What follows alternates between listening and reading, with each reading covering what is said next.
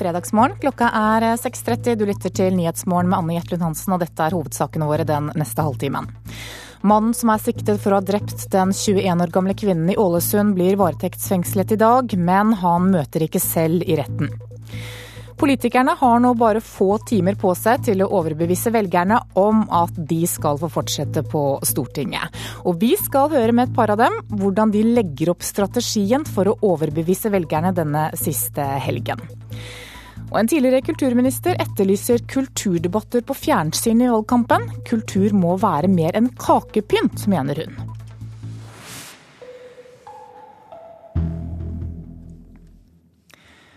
Mannen som er siktet for å ha drept den 21 år gamle kvinnen i Ålesund, blir altså varetektsfengslet i dag. Politiet ber om at han må fengsles i åtte uker, med to ukers besøksforbud. Den siktede mannen i 20-årene har allerede godtatt en fengsling, og derfor møter han ikke i retten i dag, ifølge forsvarsadvokat Reidar Andresen. Han samtykka til varetektsfengsling. Han samtykka til det politiet har bedt om, og åtte uker, hvorav to uker med isolasjon, og det har han sagt seg villig til å akseptere. Hva forklarer han om eh, det at han står bak et ran også? Han er helt avvisende til at han har noe med dette forsøket på ran å gjøre. I tillegg til eh, forøvelsen av vold og drap, så erkjenner han også da et seksuelt overgrep. Han har heller ikke tatt stilling til straffskyld. Det skyldes struktur i avhørsteknikken. Vi har ikke kommet så langt at det har vært naturlig å spørre han om det. Og det var eh, Runar Henriksen Jørstad som intervjuet forsvarer Reidar Andresen. En rekke profilerte rikspolitikere står nå i fare for å miste plassen sin på Stortinget. Og nå har de bare få dager på seg til å overbevise velgerne om at de skal få fortsette i toppolitikken. Man belønner personer eh, som obstruerer, jobber mot lovlige fatta vedtak. Er det siste gangen du har hørt FrPs Per-Willy Amundsen i en asyl- eller klimadebatt? Det er kun Frp som har stemt imot, vær klar over det. Nå reiser han Troms rundt for å vinne velgere. Han trenger enda å ta inn på Høyre om det skal gå. Partikollegaen, det unge stjerneskuddet Mette Hane Kamhaug, kom inn med et nødskrik fra Møre og Romsdal sist. Nå ser det dårlig ut. SV 4,4. SVs miljøvernminister Bård Vegar Solhjell. Jeg føler meg ikke trygg i det hele tatt. Jeg tror eh, jeg tror det kan bli veldig tett på slutten. Når NRK treffer han, har han nettopp fått ei Akershus-måling som ser bra ut. Han har bretta opp skjorteermene og er på vei på cricketkamp på Jessheim. Og jeg, har ofte pleid å si litt sånn i forbifarten at hver stemme teller. Det har ikke alltid vært helt sant. Nå er det 100% sant i Akershus. Enda mer alvorlig for SV er det om partileder Audun Lysbakken ryker ut fra Hordaland. Det kan skje, Akkurat som det kan være tid for å vinke farvel til Hallgeir Langeland. Jeg trodde dere hadde glemt meg i Oslo, Nei, men eh, det hadde dere ikke. Framtida til barneminister Inga Marte Thorkildsen og Snorre Valen i Sør-Trøndelag SV er også uviss. Landbruksminister Trygve Slagsvold Vedum kjemper for Senterpartiets kjerneverdier i valgkampen. Vi mener at folk lokalt vet det best. Men kan likevel ryke ut i Hedmark dersom de lokalt mener at det er best. Folk må tenke etter. Hva utvikling har vi hatt? Hva har Liv Signe bidratt med i vårt fylke? Og da kan hun bli sittende alene fra partiledelsen på Stortinget. Det er klart det er viktig eh, for Senterpartiet at lederen er på Stortinget. Målinger tyder på velgerflukt fra Senterpartiet i bastionen Sogn og Fjordane, men de siste viser likevel at hun klarer seg og er inne. Med sjetteplass på lista i Oslo kan Aps Marit Nybakk være ute av rikspolitikken. Nord-Trøndelag-benken er neppe stor nok for både Senterpartiets Marit Arnstad 508 milliarder kroner på samferdsel i Norge og FrPs Robert Eriksson. Arbeidsinnvandring når det gjelder innvandringspolitikk, når det gjelder eh, trygdeeksport Som er ledet arbeids- og sosialkomiteen på Stortinget. Hans Olav Syversen, KrFs parlamentariske leder. Sentrale KrF-folk kjemper for Hans Olav Syversen. Dere må sørge for at han blir gjenvalgt. Oslo-politikeren har leia stortingsgruppa, men det kan snart være slutt. Eh, ja, det er nok sånn ca. 50-50. Han får oppsummere for alle hvordan det vil kjennes å ramle ut av Stortinget. Ja, livet går nok videre, men jeg hadde veldig gjerne sett at jeg kunne få være med en periode til. Reporter her, det var eh, Håvard eh, Grønli. Mange må altså ut av Stortinget mot sin vilje, og andre drømmer om å komme inn. Og her i studio nå har vi to Oslo-politikere som må bruke helgen svært effektivt. Ola Elvestuen, nestleder i Venstre, og Bjørnar Moxnes, partileder i Rødt, velkommen. Jo takk, takk for det. Dere er jo ut og inn av Stortinget på ulike målinger, og ingen av dere er sikret en plass. Aller først til deg, Elvestuen. Hvordan bruker du disse siste dagene? Først står jeg opp tidlig om morgenen. Jeg er jo her også. Så nå, det jo, nå går det jo slag i slag. Så du er jo på ulike medieoppslag når man er på ulike arrangementer eh, hele dagen. Og så er det klart at uh, gjennom helga så, så, må jeg også være ute i byen så mye jeg kan. Før vi på valgdagen så jobber vi også gjennom hele valgdagen som uh, listebærere. Men det er klart nå helt på slutten så viser det også mye av det som er fabelaktig med demokratiet i Norge, er jo at nå er jo alle de miljøorienterte venstrefolka rundt omkring i Oslo Venstre som virkelig står på og jobber. Det har de gjort lenge, men det er, jo også, det er jo helt på slutten av en valgkamp hvor det er viktigst at du har folk på plass. Og det gjelder jo ikke bare her, dette gjelder jo virkelig over hele landet. Jeg syns det er ganske imponerende med alle de miljøorienterte, liberale folka som står på over hele landet og jobber inn i den siste dagen. Det er jo siste dagen og valgdagen som er den viktigste for å vinne valget. Hva med deg, Moxnes, hvordan skal du bruke helgen? Nei, Det er jo å få snakka med flest mulig folk. Altså, Jeg møter jo veldig mange som er enige med oss, og som vil ha oss inn på Stortinget. Eh, men så spør de meg men har det, har det egentlig sjans? Og så stemmer det kanskje vanligvis da, eh, andrevalget sitt, som er SV eller Ap. Og Det er jobben vår å fortelle dem at eh, ja, vi har veldig god sjanse. Vi må få like mange stemmer som vi fikk i 2009, så er vi inne på Stortinget. Fordi Oslo har fått flere mandater enn vi hadde for fire år siden. Eh, og vi sier også at Hvis du vil ha et storting hvor det finnes en opposisjon eh, i utenrikspolitikken, et storting hvor det finnes et parti som vil bekjempe klasseskillene, ikke bare i ord, men også i handling, så er Rødt partiet for deg. Så det er ut på gater og torg. Det er også å være listebær, sånn som Ordal skal være. Og det er å stå opp midt på natta for å komme hit og prate om, om argumentene for, for, å stemme på Rødt. Så det, er, det går i ett sett fram til, til valg, valglokalene stenger. Elvestuen, hva er viktigst nå de siste dagene? Er det fremtoning, eller er det politiske argumenter? Eh, hvis det hadde vært fortsatt mulig å nå igjennom i mediene, så er det klart at det er de, politiske argumentene og begrunnelsen for venstre, hvorfor Venstre må inn i, inn i både regjering og et nytt eh, flertall. Dette er jo, og For min del så er det jo Jeg trenger å være der. nå sitter jeg som byråd i Oslo, men jeg opplever ofte at jeg stanger huet i staten. Jeg må, jeg må opp og ha hjelp av staten for å bygge ut de T-banelinjene som vi trenger, og få bygget et skikkelig jernbanenett eh, på både med fullt intercity, hente opp igjen høyhastighetsutredningen fra skuffen. Og dette handler om å få igjennom konkret politikk på nasjonalplan gjennom de neste fire, og muligens også de neste åtte åra. Det må jo det som være målet. Og så tror jeg også at, eh, at innflytelse i politikken handler om, om, eh, mye mer enn bare antallet mandater. For det vi har sett nå, er at vi i åtte år har hatt et storting eh, hvor man altså enstemmig Samtlige partier har eh, støtta krigen i Afghanistan. Det var et enstemmig storting som sendte eh, kampfly til eh, Libya. Og et enstemmig storting som gikk inn for den kanskje viktigste beslutninga i norsk politikk på mange tiår, nemlig å, å, kjøpe amerikanske kampfly. Så hvis vi kommer inn, så vil det bety at enigheten blir, blir brutt. Og Det vil ha mye mer å si det enn hva antall mandater. Eh, skal tilsi. Så dette er jobben å få fram nå de siste, siste døgnene. At eh, en stemme på Rødt kan bety veldig mye mer enn bare ett, det, ett det mandat. Mye, men det er mye viktigere da å stemme på Venstre, sånn at du får ting, sånn at du får ting gjort og du får gjennomført politikk. Og du har muligheten nå til å få et blå-grønt flertall med en grønn kraft som gjør at det her kan virkelig få til varig endring, i stedet for å stemme på Bjørnar, som da blir et parti som stort sett kommer til å være mot. Og det blir ikke noe endring ut av. Det vi nok er enige om, er at hvis det blir en borgerlig regjering, så vil jo det gi Frp mye makt. Og det trengs i hvert fall et parti på Stortinget som vil trekke Stortinget til venstre, og det partiet det er jo uten tvil Rødt. Det er jeg, må, jeg må spørre dere, Føler dere at dere slåss om de samme velgerne? Nei, nei liten grad. Jeg tror nok det er stor forskjell på der, Bare for å fullføre. Jeg tror at altså, de som uh, vurderer oss, de står nok mellom, mellom Rødt og SV, Ap, til dels eh, De Grønne. Og de, da Vi forteller de folka at, at, hvis de ønsker mye av det som står i programmene til Ap og SV, så må du stemme på Rødt for å få det i praksis. For disse partiene har jo i åtte år gått bort fra mange av løftene sine. Så det er nok Venstres velgere som er, er Rødt sine velgere. Så har Ola andre velgere. ja, nå er jo, nå er jo Oslo er en veldig sånn sammensatt by, så enkelte konkurransepunkt kan det være der også. Men det er klart, vil du ha en blå-grønn regjering, vil du ha et sterkt grønt og liberalt parti på Stortinget, så må man stemme Venstre.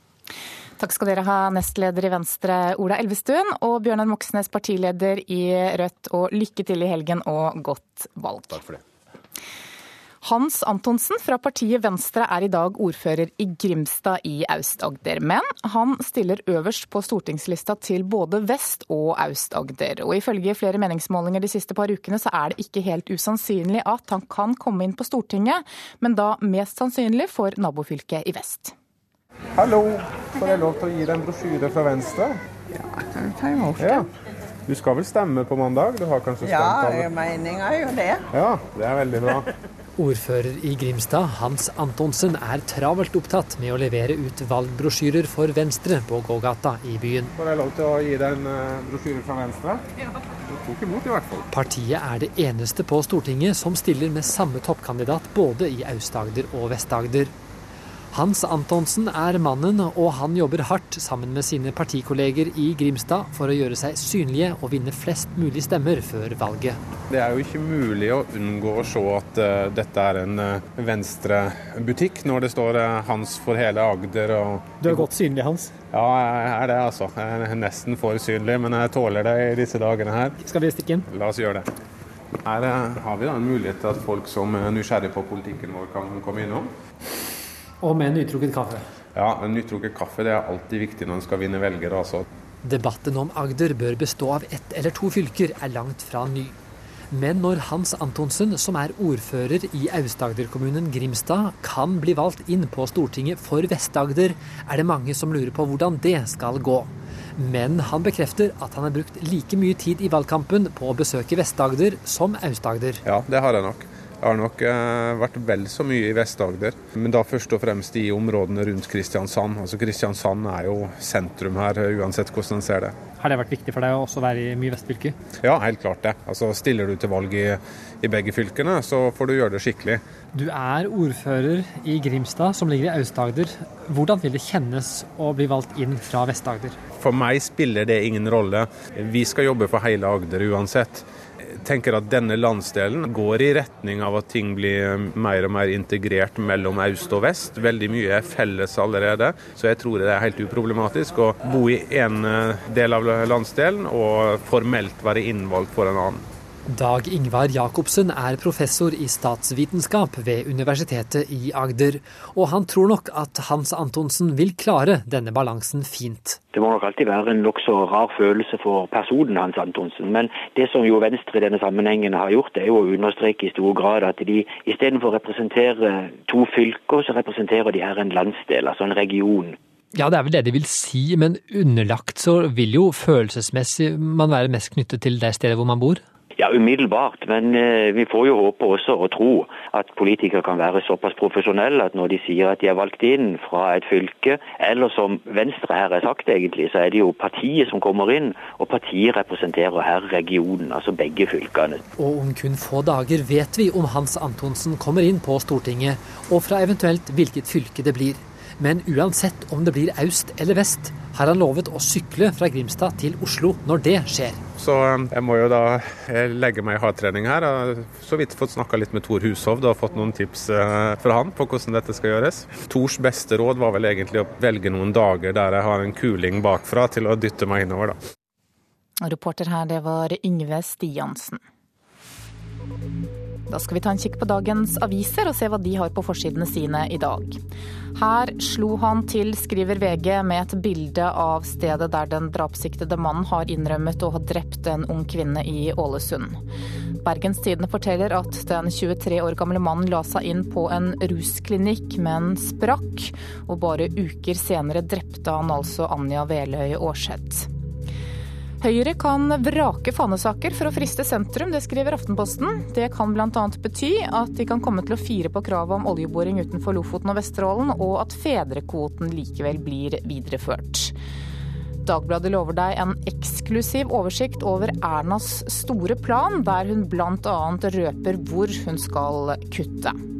Dagsavisen skriver at Høyre er splittet i synet på privatskoler. Høyres skolebyråd i Oslo er ikke enig i at offentlige skoler trenger privat konkurranse for å bli bedre. Finansministeren advarer i Klassekampen i dag om at det blir økt rente og høyere kronekurs dersom Fremskrittspartiet får regjeringsmakt. Nasjonen forteller at handelssystemet Fairtrade ofte ikke virker etter hensikten. Systemet skal gi bedre arbeidsvilkår for småbønder i fattige land, men ifølge lokale fagforeninger så er det ofte det motsatte som skjer. Dagens Næringsliv skriver at det er en ny opptur i vente, ifølge en ny analyse. Svekket kronekurs vil bidra til et markant oppsving i norsk økonomi neste år, mener sjeføkonom Roger Bjørnstad.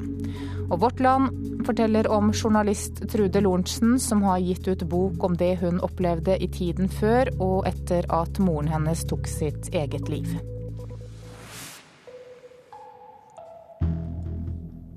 Skal vi ha sport her i Nyhetsmorgen.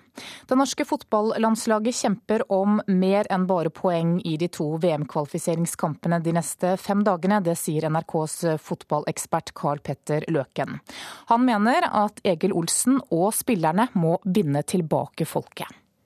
Vi må vinne tilbake litt av folket og, og, og selge konseptet på en måte. Så, så, prestasjon er jo veldig viktig i de to kampene. her. Jeg tror eh, Hvis eksempelvis vi sliter mot Kypros i 91, 92, og 93 og 90 minutter og skårer da, så det er klart det vil være veldig bra det, hvis du da vinner. Men, men allikevel så spørs det om det er godt nok. Det er dette Løken vil høre. Et begeistret publikum som lar seg underholde av landslaget. Om ikke samba-fotball, så i hvert fall glød og vilje til å spille god fotball. Du må liksom klare å selge noe som er bedre, og som på en måte skaper forventninger hos folk igjen. Norge er på fjerdeplass i sin gruppe i VM-kvalifiseringen før kveldens kamp mot Kypros. En middelmådig kvalifisering så langt har ført til mindre interesse og svakere tro på en VM-billett blant nordmenn.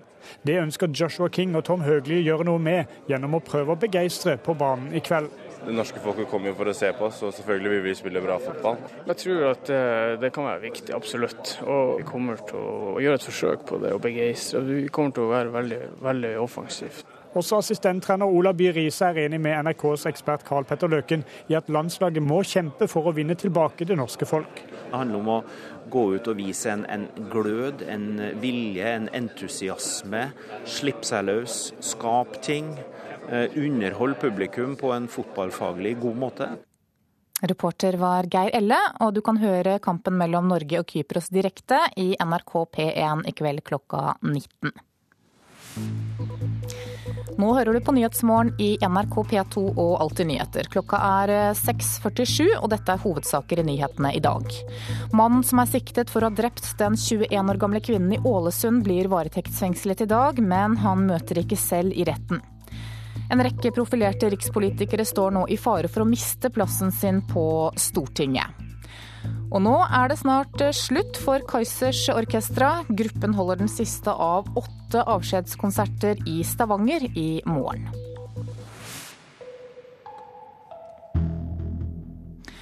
Skal vi til Russland, for G20-møtet fortsetter i St. Petersburg i dag. Møtet som samler de 19 største nasjonale økonomiene i verden, i tillegg til EU, skal i utgangspunktet dreie seg om økonomiske forhold. Likevel så har det vært klart at krisen i Syria også vil dominere dette møtet. Og Russland-korrespondent Hans-Wilhelm Steinfeld, Putin foreslo under åpningen av møtet i går å diskutere situasjonen i Syria under middagen senere på kvelden. Hva kom ut av den diskusjonen?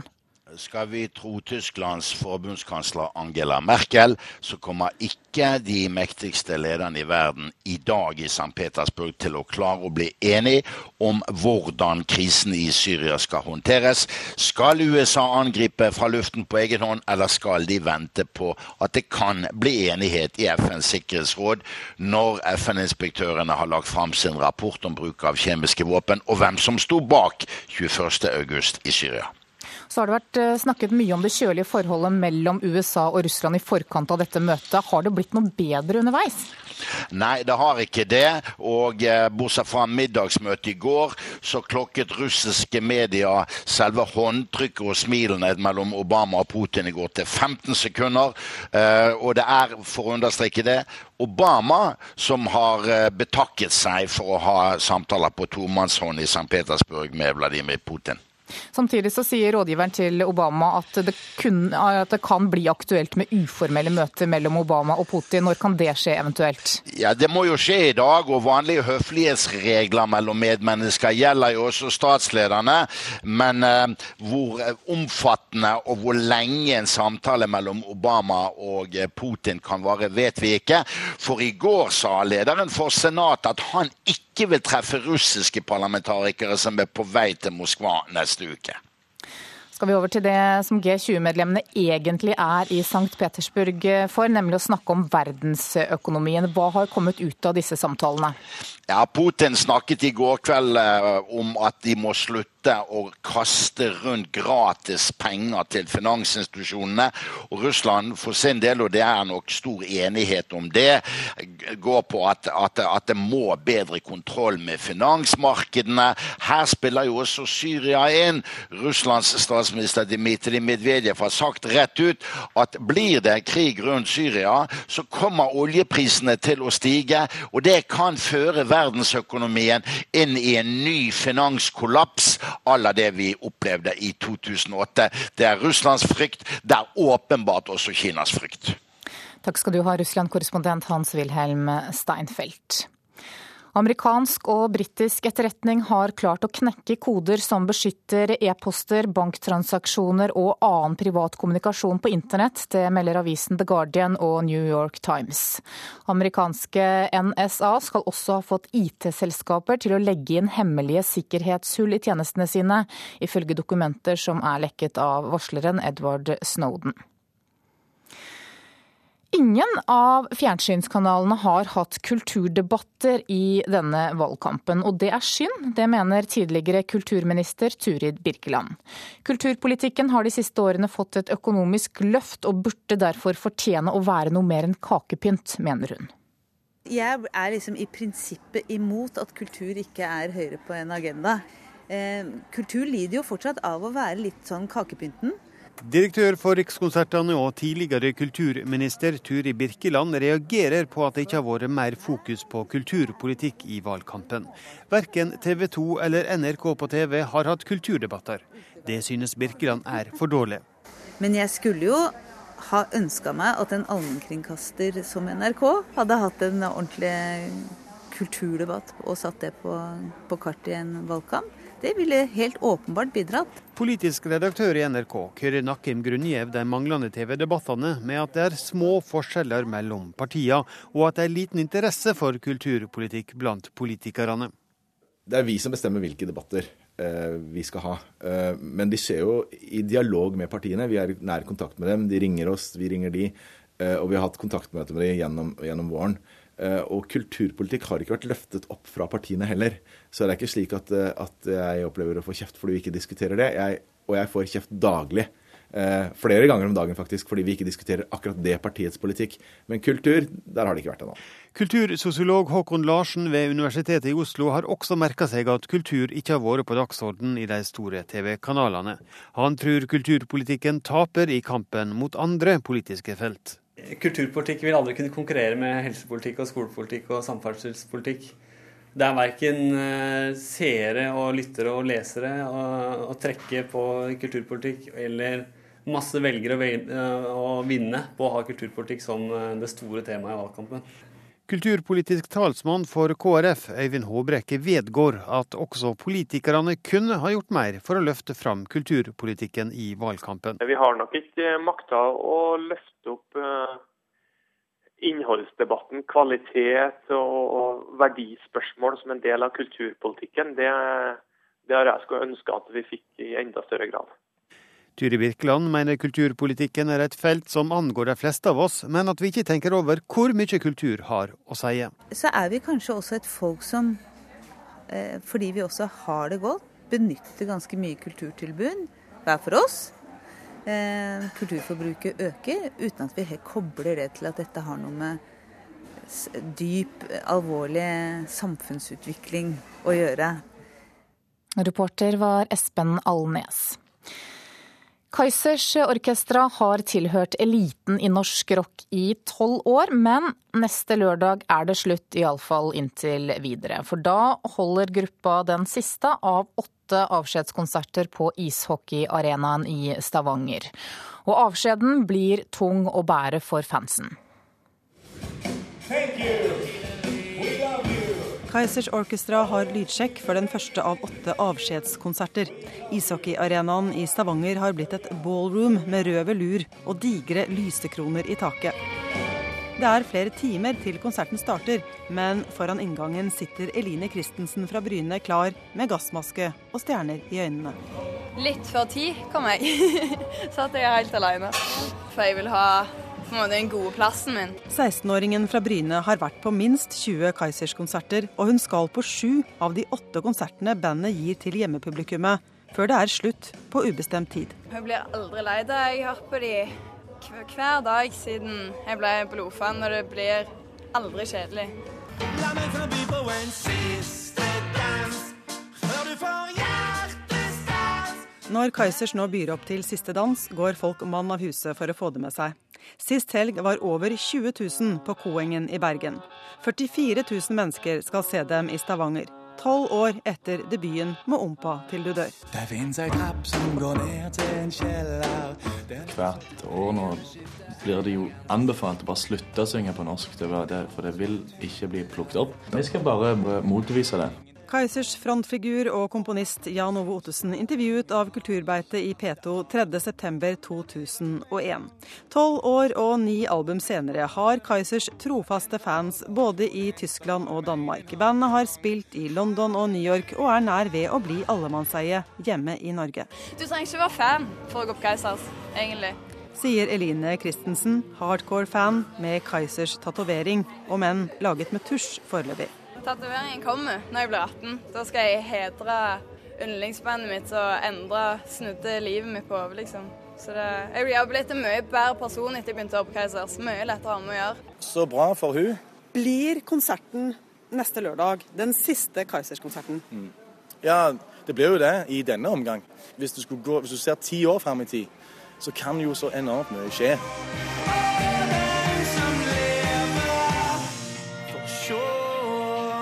Blir nok litt vanskelig litt framover, tror jeg. Jeg kommer nok til å tilbringe mye av tida mi på kanskje på rommet eller noe, og sette på her oppe på Keiser, så grine.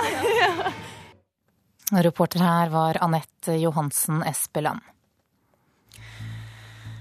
Da skal vi se på et værvarsel som gjelder til midnatt. Fjellet i Sør-Norge kan vente seg sørøstlig periodevis liten kuling utsatte steder. Regn av og til, vesentlig i vestlige fjellstrøk. Østlandet og Telemark sørøstlig bris. Spredt regn, lokal tåke og fra i ettermiddag lettere skydekke. Agder østlig bris. På kysten vest for Lindesnes av og til liten kuling.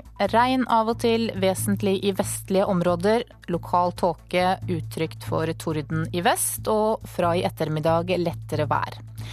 I Rogaland er det ventet sørøstlig frisk bris i dag. Stiv kuling på kysten sør for Obrestad. I kveld nordøstlig bris i nord. Regn og regnbyger, utrygt for torden og lokalt mye nedbør. Hordaland og Sogn og Fjordane dreining til nordlig frisk bris. I formiddag økning til liten kuling nord for Bergen. Regn og regnbyger utrygt for torden og lokalt mye nedbør. Møre og Romsdal nordvestlig bris, i kveld dreiende nordøstlig. Perioder med regn i sør, utover ettermiddagen også i nord. Trøndelag skiftende bris. Opphold fra sent i ettermiddag vest- og sørvestlig bris, og perioder med regn. Helgeland, Saltfjellet, Salten og Ofoten sørvestlig bris. Frisk bris utsatte steder. I kveld liten kuling nord for Saltfjellet. Opphold fra sent i ettermiddag, regn først i ytre strøk. Lofoten og Vesterålen sørøstlig bris. Litt regn av og til, men etter hvert eh, opphold. I kveld økning til sørvestlig liten kuling og regnbyger. Troms sørlig bris, litt regn i ytre strøk, ellers perioder med sol. I kveld økning til sørvestlig frisk bris og regnbyger. Finnmark overveiende sørlig bris, liten kuling utsatte steder, stort sett opphold og perioder med sol, og i kveld er det ventet regnbyger i vest. Nordensjø land på Spitsbergen. Sør-vestlig bris, frisk bris utsatte steder. Enkelte regnbyger, men også gløtt av sol. Så tar vi med noen temperaturer som ble målt klokka fem. Da hadde Svalbard lufthavn fire grader. Kirkenes 13, Vardø 14, Alta 16, Tromsø-Langnes 14, Bodø 13, Brønnøysund 12. Trondheim-Værnes 16, Molde 13, Bergen-Flesland 15, Kristiansand-Kjevik 16. Gardermoen 13 og Oslo-Blindern hadde 14 grader da klokka var eh, fem i dag morges. Det er ventet litt lavere temperatur på Vestlandet og Spitsbergen. Nordland og Troms er det ventet stigende temperatur.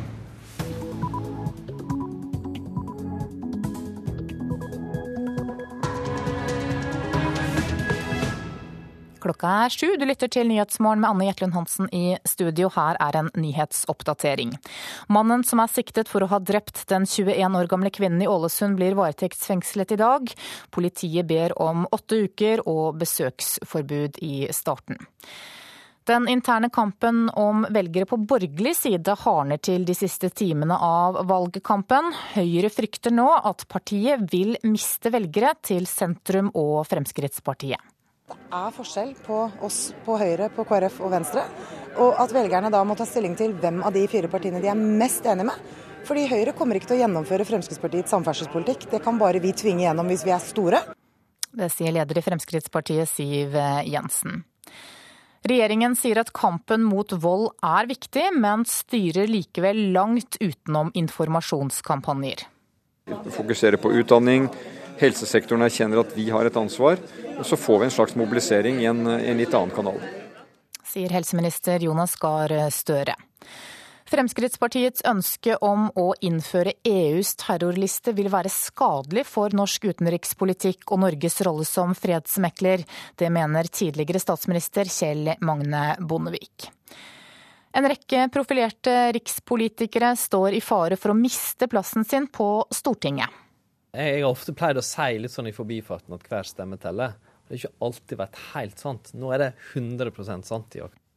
Sier SVs Bård Vegar Solhjell. Og halvparten av innvandrerne dropper å stemme ved stortingsvalg.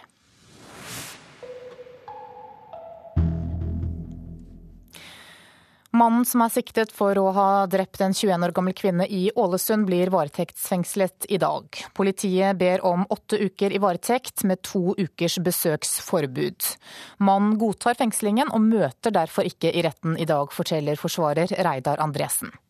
Han samtykka til varetektsfengsling. Han samtykka til det politiet har bedt om, og åtte uker, hvorav to uker med isolasjon, og det har han sagt seg villig til å akseptere. I går ble det klart at den 23 år gamle mannen erkjenner å ha voldtatt Anja Weli Aarseth før han drepte hun på bifjellet Aksla i Ålesund for over en uke siden. Ifølge mannen var han rusa. Den sikta har en lang historie med rus- og voldsproblematikk. Det skriver flere aviser i dag. I januar ble han dømt til 21 dagers fengsel for vold og trusler mot ei kvinne og politi, en dom han venter på son. Politiet mener den sikta først rana en kiosk før han drepte 21 år gamle Aarseth, men det er mannen selv avvisende til, forteller Andresen. Han er helt avvisende til at han har noe med dette forsøket på ran å gjøre. Han har heller ikke tatt stilling til straffskyld.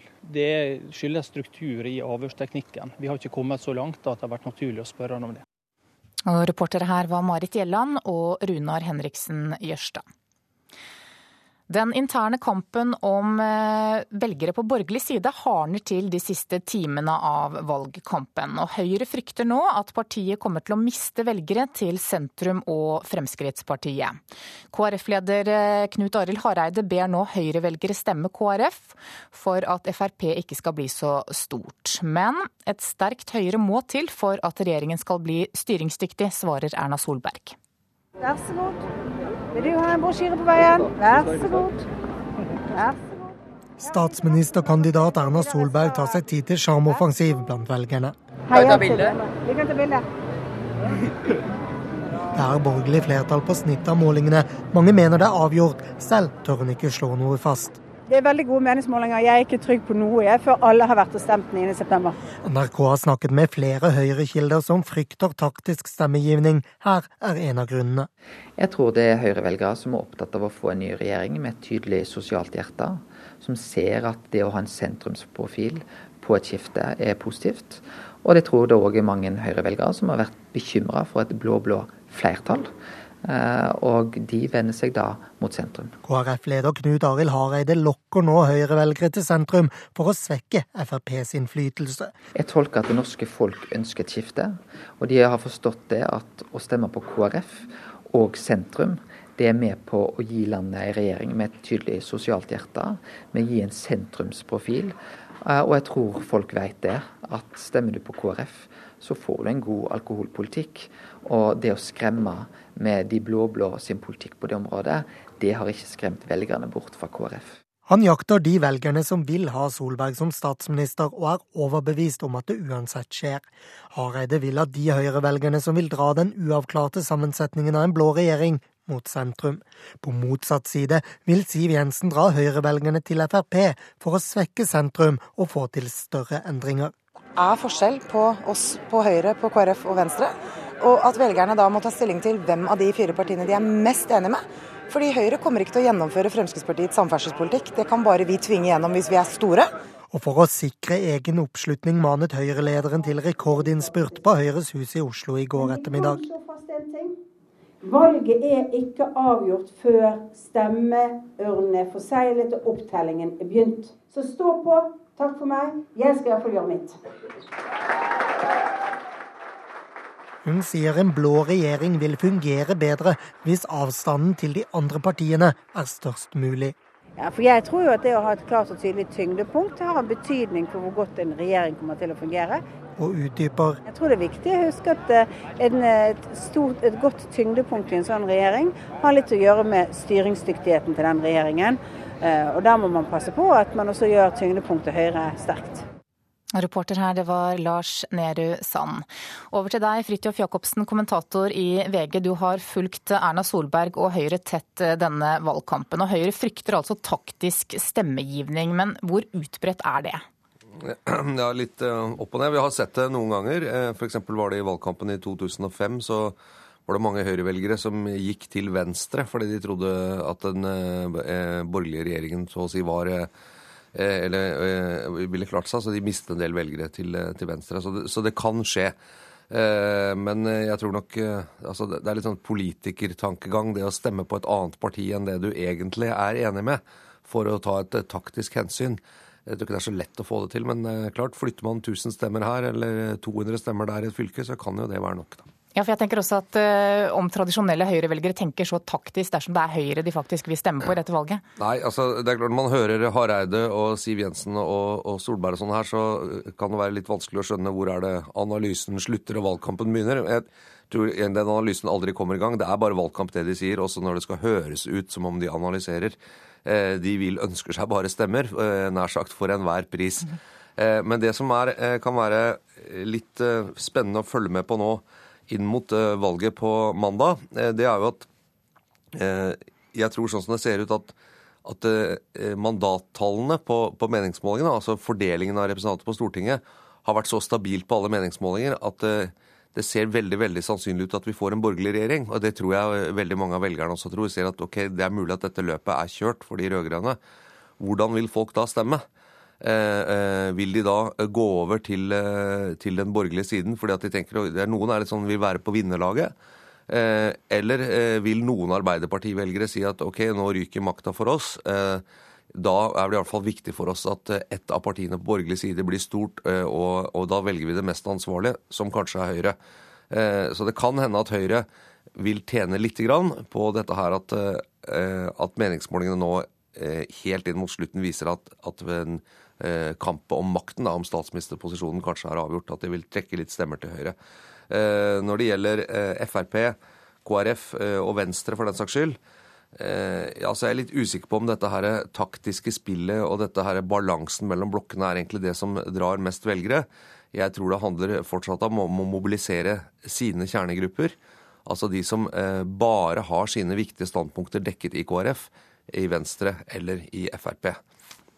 Når vi ser på målingene så, uh, som altså kommer flere ganger om dagen, så er jo bevegelsene mellom blokkene liten og internt ganske stor. Går det an å si noe om, om dette her skyldes taktiske stemmer? Ja, det kan skyldes litt måten man måler på. Eller det kan også skyldes at, at folk ikke har bestemt seg helt. At de vingler litt frem og tilbake og tenker ja, jeg har kanskje lyst på en ny regjering. Eh, altså Hvis vi tar den borgerlige siden. Men hvilket av partiene mm, skal jeg stemme på? Eh, kanskje de har stemt Frp ved et par valg, siden Frp har vært over 20 år. 20 eh, i et par valg. Over 20 år, eh, og så sitter de og vurderer Høyre, og så går de litt frem og tilbake ettersom debatten går. Det kan også være det samme da med Venstre. KrF er jeg litt mer usikker på. De, de tror jeg har en mer en litt mer sånn egen velgermasse eh, som, som, skiller seg litt fra de, disse andre partiene. Så nei, jeg, jeg, tror det er en del usikkerhet, og det, jeg tror det også vi kan se noen eh, endringer når selve valgresultatet kommer, eh, som ikke vi klarer å forutse nå med, de, med disse målingene. Men i, i 2009 eh, så var det altså sånn at eh, du fikk en slags sånn flokking rundt det største partiet da, på rød-grønn side, nemlig, nemlig Arbeiderpartiet. Og Det har også litt med hvordan de driver valgkamp ute på grasrota å gjøre. Takk til deg, Fridtjof Jacobsen, kommentator i VG. Så må vi altså gi, gi Erna Solberg rett i én ting, og det er at valget ikke er avgjort før stemmeurnene er forseglet på mandag. Det er jo ikke slik at vi hevder at det norske samfunnet er feilfritt, eller norske modellen er uten forbedringsmuligheter. Da står den norske modellen i veien for det norske folk! Hvem skal styre landet nå? Jeg er politiker. Jeg ønsker å skape muligheter. Valgnatt i NRK P1 gir deg svaret 9.9. fra klokka 20 til langt på natt.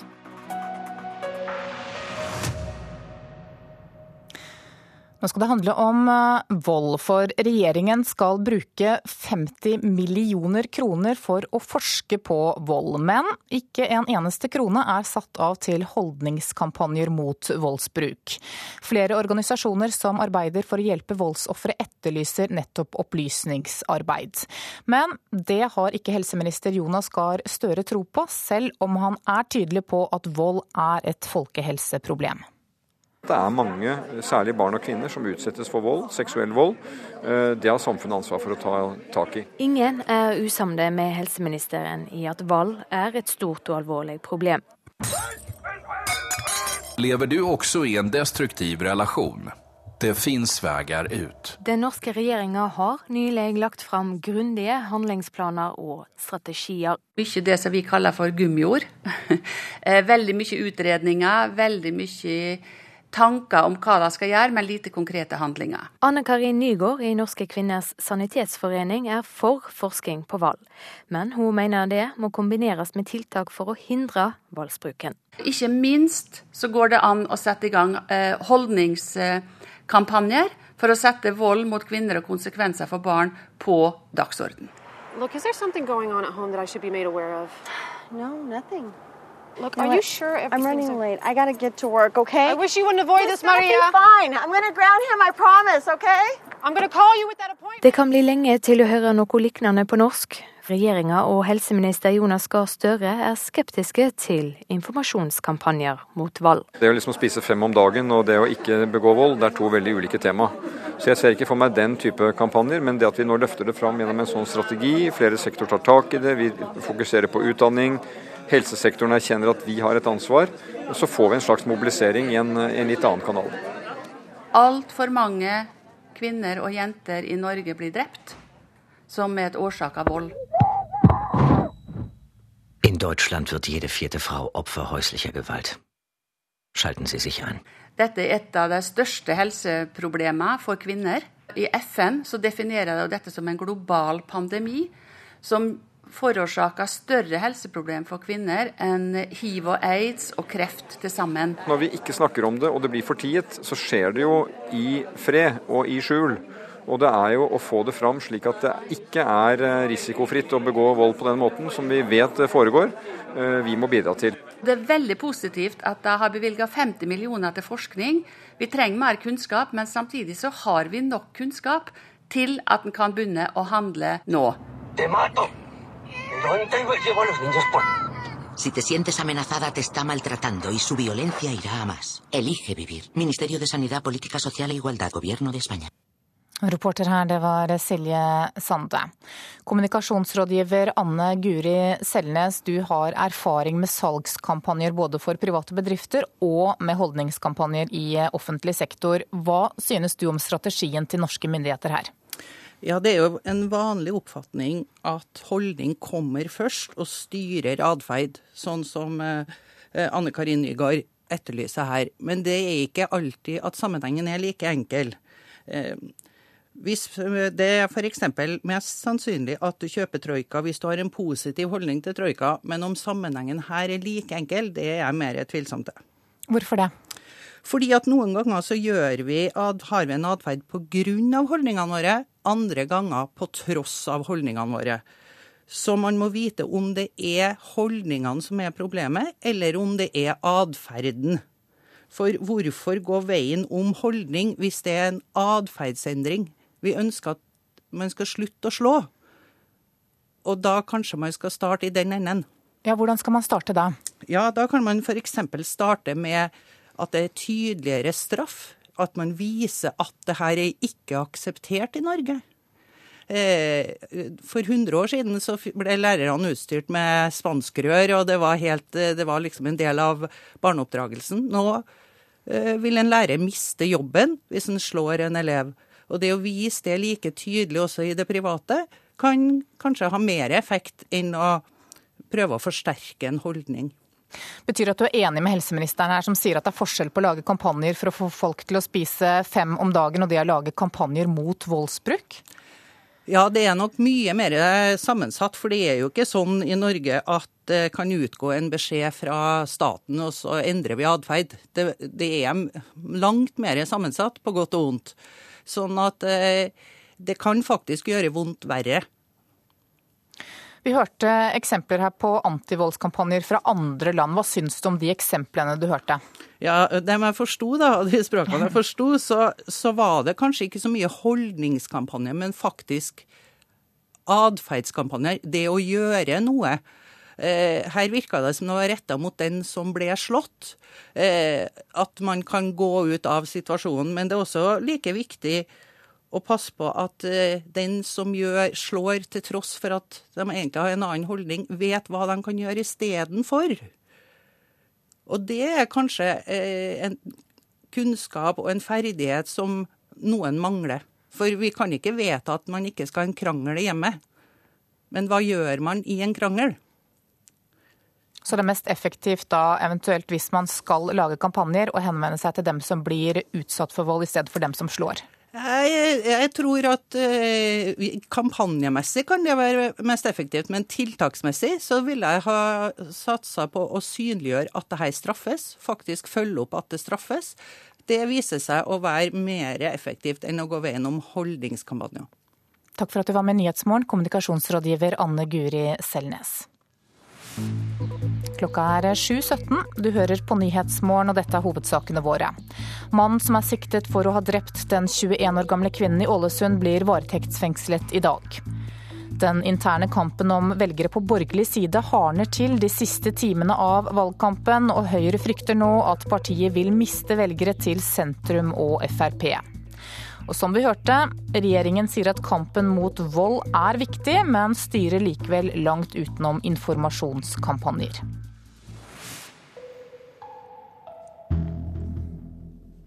Fremskrittspartiets ønske om å innføre EUs terrorliste vil være skadelig for norsk utenrikspolitikk og Norges rolle som fredsmekler. Det sier tidligere statsminister Kjell Magne Bondevik. Per Sandberg fra Fremskrittspartiet mener at Norge bør være mer på linje med EU i kampen mot terrorisme. Fremskrittspartiet mener at eh, vi bør inkludere EUs eh, terrorliste. Leder av Stortingets justiskomité for Fremskrittspartiet, Per Sandberg, er krystallklar. FNs terrorliste, som kun består av Al Qaida og deres partnere, er ikke nok. EUs omfattende liste, der flere enn 25 organisasjoner stemples som terrorister, må benyttes av Norge. Det vil styrke norsk beredskap og sikkerhet. Årsaken er bedre etterretningssamarbeid med EU, mener Sandberg. Hvis mer informasjon og etterretning vi har, hvis bedre kan vi ruste oss i forhold til å møte eventuelle terrorhandlinger. Jeg syns eh, det er en uh, dårlig idé. Sier tidligere statsminister Kjell Magne Bondevik, som nå leder Oslo-senteret for fred og menneskerettigheter. og svarteliste organisasjoner som Hamas, Hizbollah og colombianske FARC vil begrense Norges evne til å drive aktiv utenrikspolitikk og megle i konflikter, mener Bondevik. Det kan i noen situasjoner begrense eh, Norges eh, engasjement. Når eh, Norge først nå ikke er medlem av EU, så bør vi også benytte oss av de fordelene det innebærer i utenrikspolitikken. Og En av de er å stå friere til hvem en i gitte situasjoner kan ha kontakt med for å søke å oppnå noe for fred og demokrati. Sier Bondevik. Det vil jo være det samme som å si at EU ikke har diplomatisk evne, og at EU ikke driver dialog. Kontrer Frp Sandberg. Vi har ikke konkludert i det spørsmålet. Sier leder av Stortingets utenrikskomité for Høyre, Ine Eriksen Søreide som mange mener er en het kandidat som Norges neste utenriksminister. Det vi har sagt er at vi ønsker å bruke de virkemidlene som gir det mest håndgripelige verktøy i kampen mot internasjonal terrorisme. Vi samarbeider nært med FN nå gjennom eh, at vi er med på den lista. Og vi samarbeider også nært med EU-land, særlig gjennom justissamarbeidet som vi er en stor del av. Eh, og det vil også fortsette etter et eventuelt regjeringsskifte. Det er som forventa av Høyre. Sier Sandberg fra Frp. Høyre gir ikke svar på hver verken det ene eller det andre i valgkampen. og Derfor er det forventa. Og utenriksminister Espen Barth Eide mener at det er god grunn til at Norge ikke bruker EUs terrorliste. Jeg syns det er en dårlig idé. Det er jo en grunn til at vi i denne regjeringen eh, eh, trakk oss ut av EUs terrorliste for å fokusere på FN. Terror er alltid uakseptabelt i enhver sammenheng. Det kan aldri forsvares. Eh, poenget er jo ikke det. Men poenget er at hvis man skal skape fred, må man snakke med noen som har startet krig. Hvis man skal få slutt på en intern konflikt, må de som deltar i konflikten være med eh, i løsningen. Og hvis man står utelukkende på sin høye hest og fordømmer, så kan man ha det godt inni seg, men det blir ikke nødvendigvis mer fred av det. Reporter her var Stig Arild Pettersen. Feltarbeider Sebastian Stein i Leger uten grenser, du kom hjem fra Syria onsdag kveld, og du har vært i nordvest-Syria i to og en halv måned. og Dette er et område som er kontrollert av opprørere. Aller først, hva så du? Nei, situasjonen i Syria blir verre og verre. Dette er mitt andre opphold i Syria. Og det er tydelig at krigen nå ikke lenger bare setter spor i form av skader av rakettangrep og skuddskader. Men eh, helsevesenet har nå totalt brutt sammen. Eh, vi ser hvordan eh, det ikke finnes behandlingsmuligheter for kroniske sykdommer. Folk med diabetes og høyt blodtrykk får ikke hjelp. Mor-barn-helse eksisterer ikke, og vaksinasjonsprogrammet for småbarn er ikke-eksisterende. Et militært angrep på Assads styrker er etter alt å dømme nært forestående. Hvordan vil det slå ut på bakken i de områdene som du har vært? Nei, Jeg skal ikke spekulere i altfor mye om hva resultatene av et eh, eventuelt militært angrep er. Men det er klart at all aggresjon fører til eh, skade på, eh, på, mennesker. Og allerede nå så er over 100 000 mennesker drept. og jeg vet ikke hvor mange flere 100 000 skadet og lemlestet for livet. Så ja, situasjonen er allerede helt forferdelig, og det kommer bare til å bli verre så lenge vi ikke har adgang humanitært over hele landet. Opprørerne kontrollerer jo området som du har vært i de siste to månedene. Hvordan opptrer de i krigen og mot den øvrige sivilbefolkningen? Nei, altså Vi har uh, god kontakt med de, uh, de til enhver tid uh, opprørsgruppene der hvor vi opererer. Det er vi helt avhengig av for å kunne sikre vår tilstedeværelse. Men vi også gjør det klart overfor dem at vi er en helt upartisk organisasjon Eh, så selv om vi arbeider der hvor de eksisterer, så prøver vi også å få arbeide på de sidene hvor regjeringssoldatene har kontrollen. Du sier at det er vanskelig å slippe til. Hva er det som gjør at ikke store internasjonale hjelpeorganisasjoner i større grad er til stede i Syriane? Nei, det, For det første så er det eh, slik at det ikke eksisterer humanitært rom i, uh, i, Syria. Det finnes ingen humanitære korridorer, og vi opererer ulovlig på bakken i Syria. Eh, dette er eh, vanskelig fordi vi ikke får adgang til den befolkningen som trenger hjelpen mest. Eh, vi, vi prøver å forhandle med Assads regime for å få adgang, men vi er avhengig av hjelp fra FN, fra stormaktene i Sikkerhetsrådet og fra, lokale, fra landene rundt for å få opprettet broer inn i landet og for å kunne få garantier for vår egen sikkerhet i landet. Har du opplevd at det er farlig å hjelpe?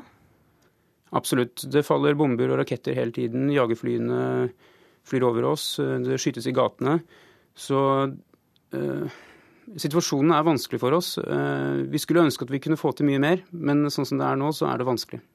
Og nå er du her. Hvordan er det å reise hjem når du ser at behovet for hjelp er så stort? Det, det er vanskelig å etterlate kolleger og pasientene våre i, i Syria. Heldigvis så, så, er det noen som kommer etter meg og som fortsetter arbeidet. Men eh, lysten til å dra tilbake og fortsette, den er stor. Takk for at du kom til eh, Nyhetsmorgen. Da skal vi ta en kikk på dagens aviser og se hva de har på forsidene sine i dag. Her slo han til, skriver VG, med et bilde av stedet der den drapssiktede mannen har innrømmet å ha drept en ung kvinne i eh, Ålesund. Bergens Tidende forteller at den 23 år gamle mannen la seg inn på en rusklinikk, men sprakk, og bare uker senere så drepte han altså Anja Veløy Aarseth. Høyre kan vrake fanesaker for å friste sentrum, skriver Aftenposten. Det kan bl.a. bety at de kan komme til å fire på kravet om oljeboring utenfor Lofoten og Vesterålen, at eh, fedrekvoten likevel blir videreført. Mens Dagbladet lover deg en eksklusiv oversikt over Ernas store plan, der hun bl.a. røper hvor hun skal kutte. Dagsavisen skriver at Høyre er splittet i synet på privatskoler, og Høyres skolebyråd i Oslo er ikke enig i at offentlige skoler trenger privat konkurranse for å bli bedre. Finansministeren advarer i Klassekampen i dag om at det blir økt rente og høyere kronekurs dersom Fremskrittspartiet får regjeringsmakt. Nasjonen forteller at handelssystemet Fair Trade ofte ikke virker etter hensikten. Systemet skal gi bedre arbeidsvilkår for småbønder i fattige land, mens ifølge lokale fagforeninger er det ofte det motsatte som skjer. Dagens Næringsliv skriver at det er ny opptur i vente, ifølge en ny analyse. Svekket kronekurs vil bidra til et markant oppsving for norsk økonomi neste år. Det mener sjeføkonom Roger Bjørnstad.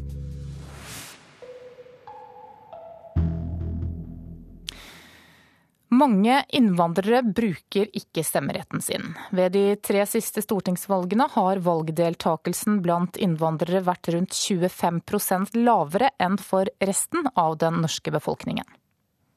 Hei, vil du ha en muffins fra Arbeiderpartiet? Hallo, vil du ha litt informasjon om Venstre? Hei sann, miljø og rettferdighet fra SV. Takk skal du ha. Partiene gjør seg lekre for å kape viktige stemmer i valgkampinnspurten, men langt fra alle biter på. Spesielt blant innvandrere er det mange som ikke er interessert i å være med og bestemme. Jeg, jeg trenger ikke stemme, bestemme eller velge hvem skal. Alltid samme for meg. Jeg bare lever selv og så jobber. Så han tjener penger, OK? Kinesiske Goi Hoifen er ikke et unntak. For mens tre av fire nordmenn stemte ved forrige stortingsvalg, viser tall fra Statistisk sentralbyrå at bare én av to innvandrere gikk til valgurna.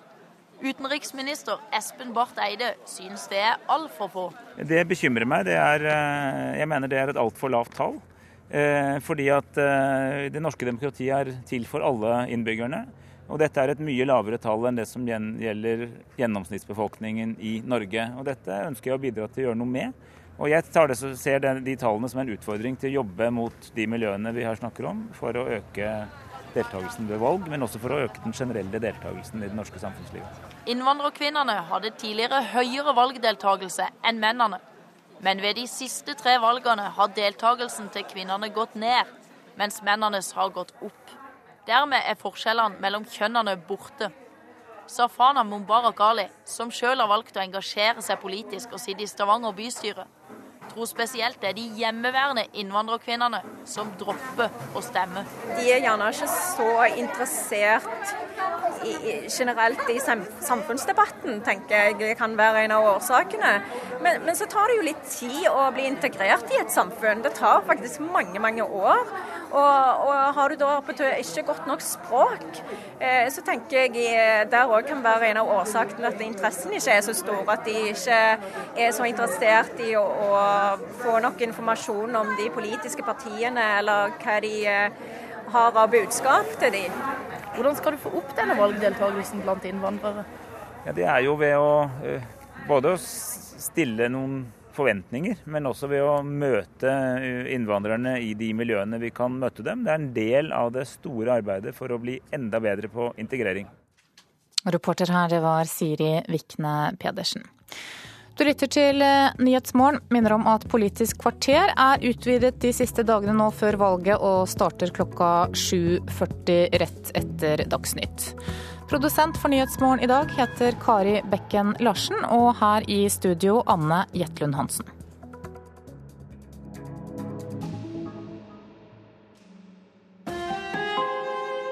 Hør ekko.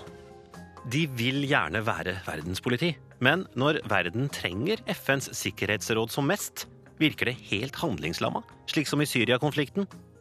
Er det på tide å ta vetoretten fra stormaktene i FN og skifte ut gamle stormakter med nye?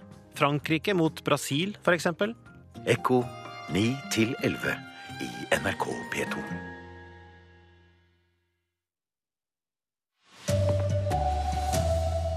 Kampen om velgere hardner til på borgerlig side. Nå frir KrF til høyrevelgere. Det er en rekke politikerprofiler som skjelver i buksene i disse dager, i frykt for å miste stortingsplassen. Og i dag ble mannen som er siktet for drapet i Ålesund, varetektsfengslet. Riktig god morgen, her er NRK Dagsnytt klokken 7.30. Den interne kampen om velgere på borgerlig side har hardnet til. Høyre frykter at partiet vil miste velgere til sentrum og til Fremskrittspartiet. KrF-leder Hareide ber nå Høyre-velgere stemme KrF for å minske Frp. Et sterkt Høyre må til for at regjeringen skal bli styringsdyktig, svarer Erna Solberg.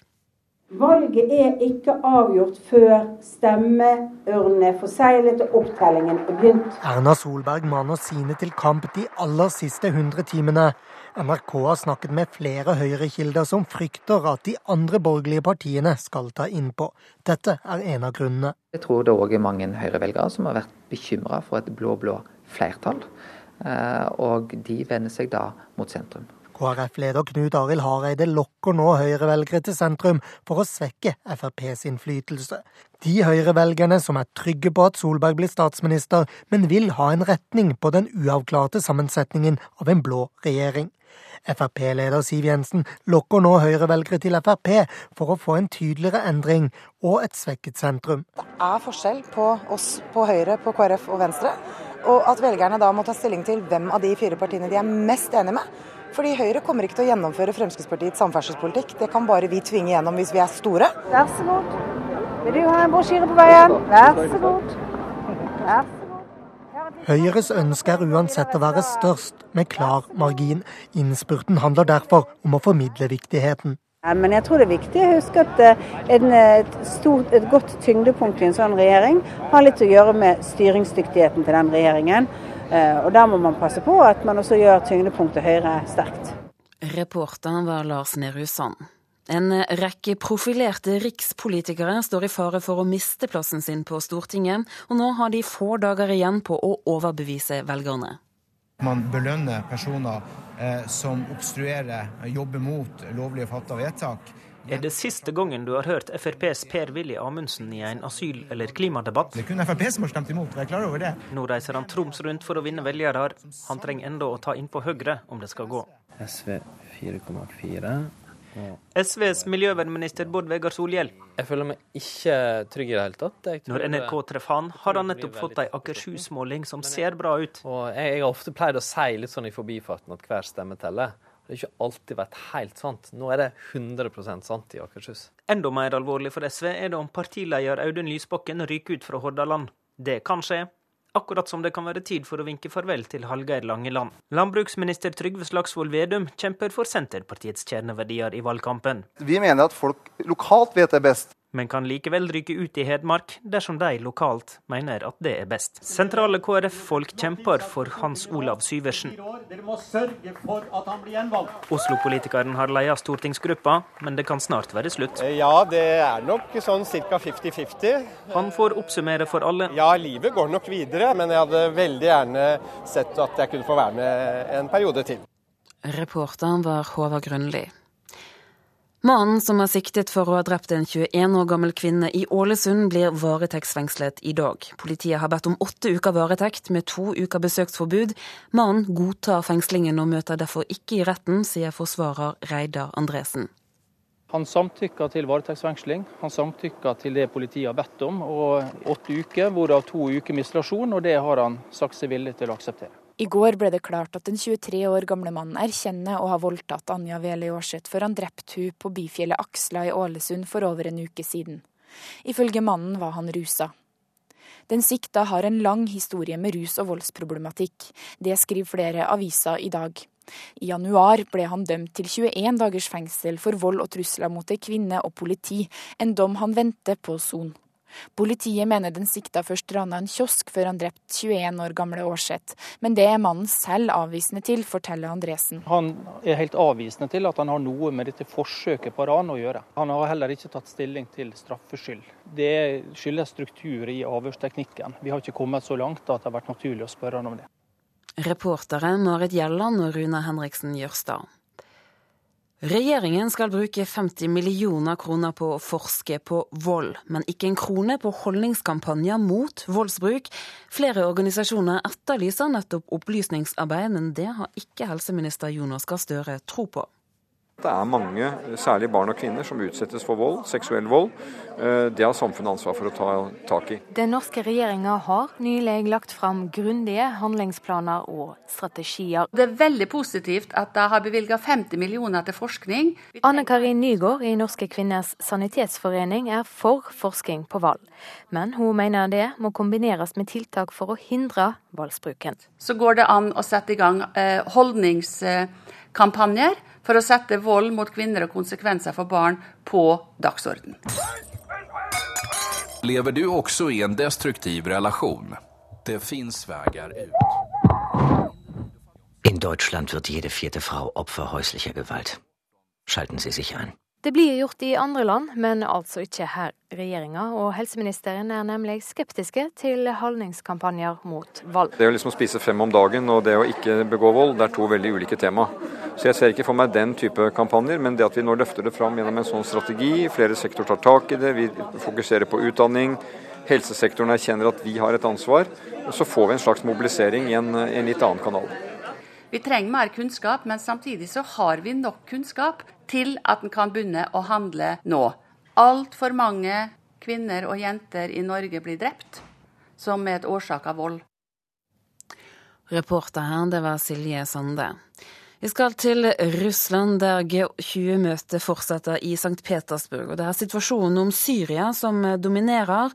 Avstanden mellom Russland og USA den er stor. Russland-korrespondent Hans-Wilhelm Steinfeld, hvor splittet er G20-landene nå foran dagens møter?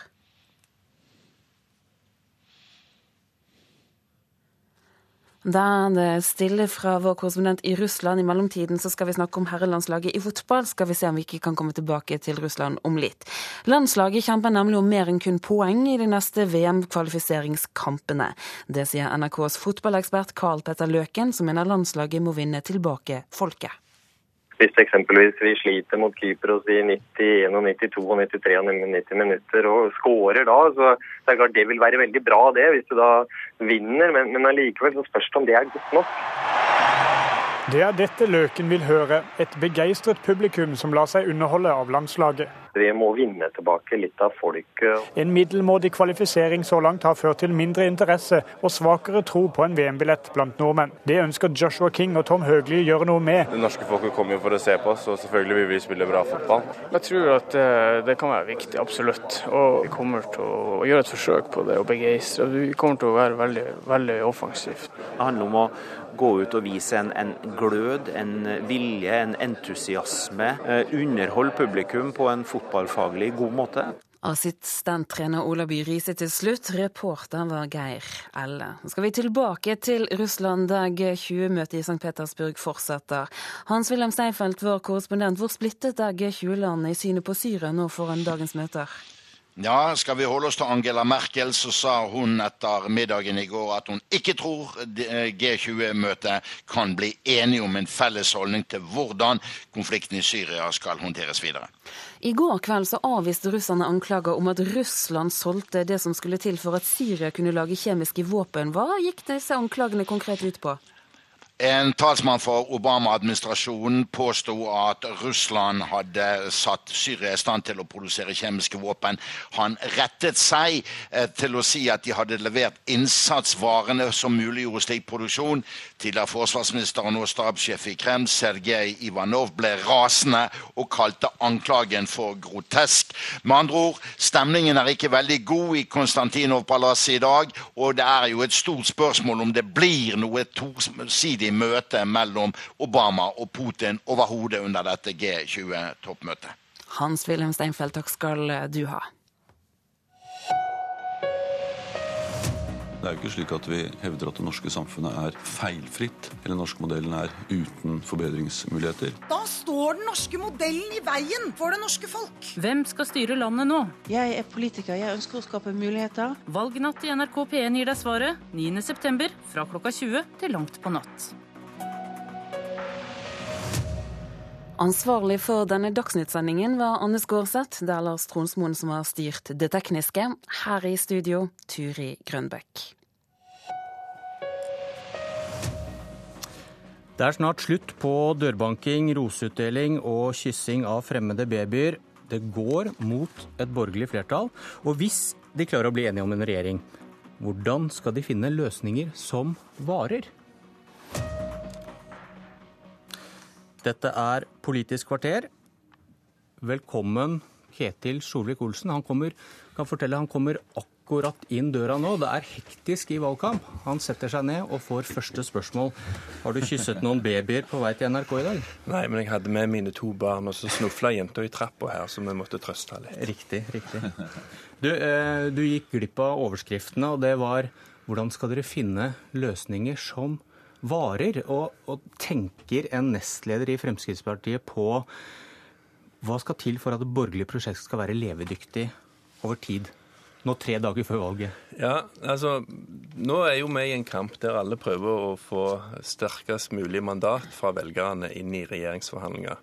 Samtidig er det viktig at vi har et langsiktig perspektiv på dette. her, og Det betyr at når vi skal sitte og forhandle, så vil jeg selvsagt forhandle fram sterkest mulig løsninger basert på FrPs politikk. Men vi må gjøre det på en måte der vi tar hensyn til hverandres hjertesaker, som gjør at vi har lyst til å samarbeide i mer enn fire år. Fordi at denne koalisjonen må holde sammen, òg sånn at vi vinner valget i 2017. Og Det tror jeg er en viktig lærdom fra, fra Bondevik II-regjeringen. at Da fikk vi ikke til det samarbeidet. og Da tapte vi i 2005, og da så vi, ser vi hva vi fikk. Derfor må vi finne de gode løsningene. Frp går jo til valg på å stramme inn på asylpolitikken, på å få skattelettelser for det stimulerer næringslivet og arbeidskraft. Og så kan vi ta den lista der. Men vi må altså finne de løsningene som gjør at vi har lyst til å holde sammen. Du har i dag selskap i studio av de to sentrumspartiene på borgerlig side. Vi skal forsøke å tenke høyt rundt noen av de kanskje vanskeligste sakene dere må bli enige om. Eh, Dagrun Eriksen, nestleder i Kristelig Folkeparti. Tenker du på at dere etter valget må komme fram til noe som skal vare? Jeg tror vel det.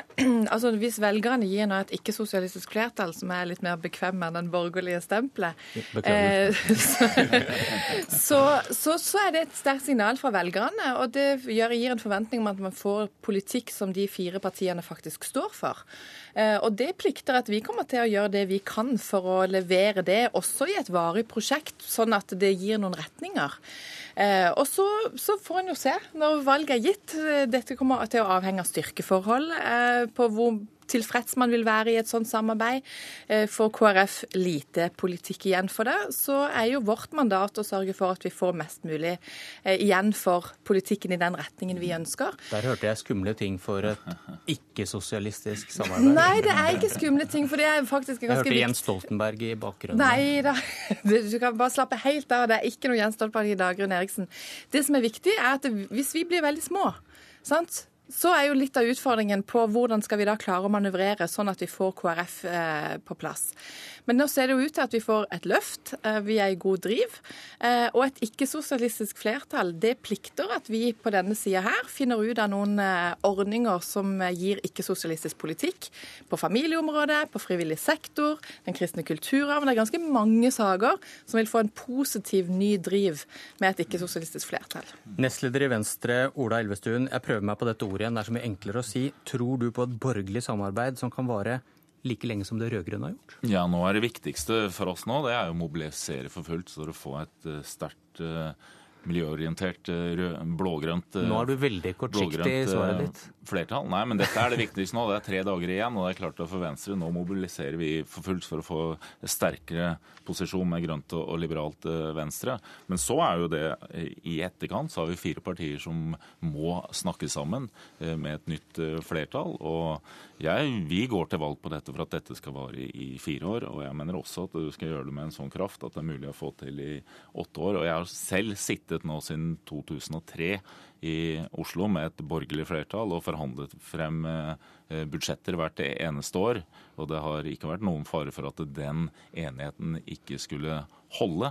Og jeg mener at dette er eh, mulig også å gjøre på nasjonal plan. Vi skal se på tre saker som kanskje er litt vanskeligere på nasjonal plan enn i Oslo bystyre, og høre om det kan ligge en borgerlig fremtid der. Solvik-Olsen, eh, la oss starte med ditt glansnummer. Handlingsregelen som skal styre bruken av oljepengene. Og det er vel en lur taktikk at du står på ditt helt til du sitter ved forhandlingsbordet etter valget. Så kan du veksle inn et tap i mye god Frp-politikk. Vi har ikke tenkt å tape den saken, rett og slett fordi det er jo ingen parti som følger eh, handlingsregelen sånn som man var meint. I dag så omgår de andre partiene handlingsregelen med å låne penger i utlandet, og de låner det dyrere enn det vi sparer oljepenger til i utlandet. Og jeg tror Stadig flere ser at dette er jo en helt meningsløs politikk. og jeg tror òg mange Høyre-velgere ser at skal du få til en fornuftig bruk av vår oljeformue, så må du ha et sterkt Frp inn i dette, sånn at vi kan gjøre forbedringer i dette. For dette er ikke snakk om å skrape handlingsregelen, det er snakk om å forbedre den. Og Jeg treffer stadig flere økonomer, stadig flere Høyre-velgere som sier at akkurat her er det viktig at Frp får gjennomslag, og derfor vurderer de nå å stemme på selv om de ikke gjorde det før. Men kan, kan, kan du leve med at dette kan ligge litt inn i framtiden, at det må modnes når du hører reaksjonene fra Erna Solberg og kanskje de to som sitter ved siden av deg? Men det som er viktig her, det er jo at mange tror, eller når de hører Frp, så tror de at vi skal bruke hundrevis av milliarder kroner mer. Poenget med å endre handlingsregelen er ikke å kunne øke pengebruken. Vårt alternative statsbudsjett er faktisk innenfor 4 %-grensa. Stoltenberg gir et helt annet inntrykk, men vi er innenfor 4 %-grensa. Poenget med å endre handlingsregelen er at du får fram dette skillet mellom forbruk og investeringer. At du kan framskynde fornuftige investeringer, samtidig som du tvinger deg til å effektivisere offentlig sektor. Men vi gjør det på en måte der du har litt mer handlingsrom. Der Høyre må ha spart ei krone for å investere ei krone, og alle vet det tar tid før du får effektivisert offentlig sektor. Så gir vi oss handlingsrom til å framskynde investeringene, samtidig som vi må gjøre effektiviseringene.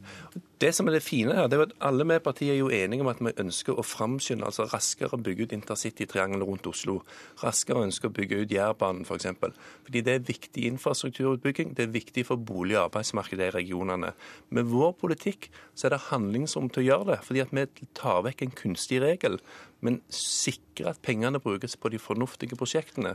Derfor må dette endres, og derfor tror jeg vi vinner fram. Det var pedagogikken fra Solvik-Olsen om hans handlingsregel. Og Ola Elvestuen, hvor, hvor, stort hinder mener du dette er for en løsning? Det som er helt løsning? avgjørende, og også helt avgjørende for troverdigheten til et borgerlig flertall, er at du har orden på økonomien. Og det inkluderer også å holde fast ved handlingsregelen. Eh, og når vi skal gjennomføre prosjekter som å bygge intercitytriangelet hele veien ut, så er det klart at her så må vi se på andre finansieringsordninger. Vi har foreslått et obligasjonsmarked. Det er mulig å gjøre. Da henter det også, henter det også midler inn fra livselskaper og andre, som ellers også ville vært, vært investert i norsk økonomi. Og du må fortsatt se på alternative eh, finansieringsformer. Bompenger er en alternativ finansieringsform i forhold til veier, og dette, dette må man fortsatt eh, holde fast ved. Eriksen, ser du at dette er et punkt hvor dere sliter litt med å sannsynliggjøre at et borgerlig prosjekt har noen stor framtid, når du hører at dere er helt uenige om noe dere sier er så viktig? Men ikke, akkurat denne saken er jo ikke noe hvor det er sentrum mot Fremskrittspartiet. Her er det faktisk sentrum-høyre mot Fremskrittspartiet. Og det gjør at denne er litt annerledes enn en del av de andre sakene. Og derfor så må han belage seg på å veksle inn dette? Nei, men jeg sier altså det, dette har ikke så mye med balansen om du har med hele gjengen på ikke-sosialistisk side. Men handlingsregelen tenker jeg er veldig viktig, fordi at den er, den er også en kontrakt ut mot markedet. Uh, og er det noe vi lærte i Bondevik I-regjeringen, så er det at det å ha en, en, forutsigbarhet på pengebruk, det er kjempeviktig. For det er en kontrakt både i forhold til det finansmarkedet, i forhold til, til, til pengemarkedet og i forhold til næringsliv på hvor mye man skal bruke av offentlig. Så den tenker jeg, den er, den er veldig viktig. At ikke man rokker med på den måten. Og så tenker jeg og Det er nok det som er også litt mer engstelig i denne biten. Det er hva skal vi bruke pensjonsfondet vårt til? Eh, og Der er, har vi jo den store utfordringen med, med, Fremskrittspartiet på at de ønsker å bruke det veldig mye mer også inni. Det er satt av til fremtidige pensjoner. Deler vi det ut på Norges befolkning i dag, så har vi 750 000 kroner til hver. En sykehjemsplass koster to millioner. Dette, dette fondet trenger vi også til fremtidige pensjoner. Og det kommer til å være veldig viktig for KrF også etter valget. Det, det, det høres ut som om du må svelge en kamel, og at handlingsregelen vil gjelde om fire år også, hvis et borgerlig flertall skal gi en borgerlig regjering? Ja, det, skal være en handlingsregel. Han skal bare være litt annerledes enn i dag. fordi at Her hører du allerede fra Venstre at vi skal få til intercitytriangel, vi skal bare få det til på en annen måte, nemlig å utstede obligasjoner. Og Da er jo poenget at når, når vi i dag lånefinansierer veier det gjør jo, både, altså det gjør jo denne regjeringen i dag gjennom offentlige bomselskap. Så er det òg obligasjoner de utsteder, men det er stort sett utlendinger som kjøper de. 96% av de kjøpes av utlendinger. Og Det er da vi sier det er jo knekkende likegyldig for press i norsk økonomi om du har utlendinger som låner oss penger, eller om du henter hjem dine egne penger som er investert i utlandet. Forskjellen er rentemarginen. Sånn at presseffekten, forutsigbarheten her, blir jo akkurat den samme, men med FrPs løsning så slipper du å betale renta til andre for å bygge noe i Norge. Og Det tror jeg folk ser er fornuftig. Det er bare at regelen blir så teoretisk.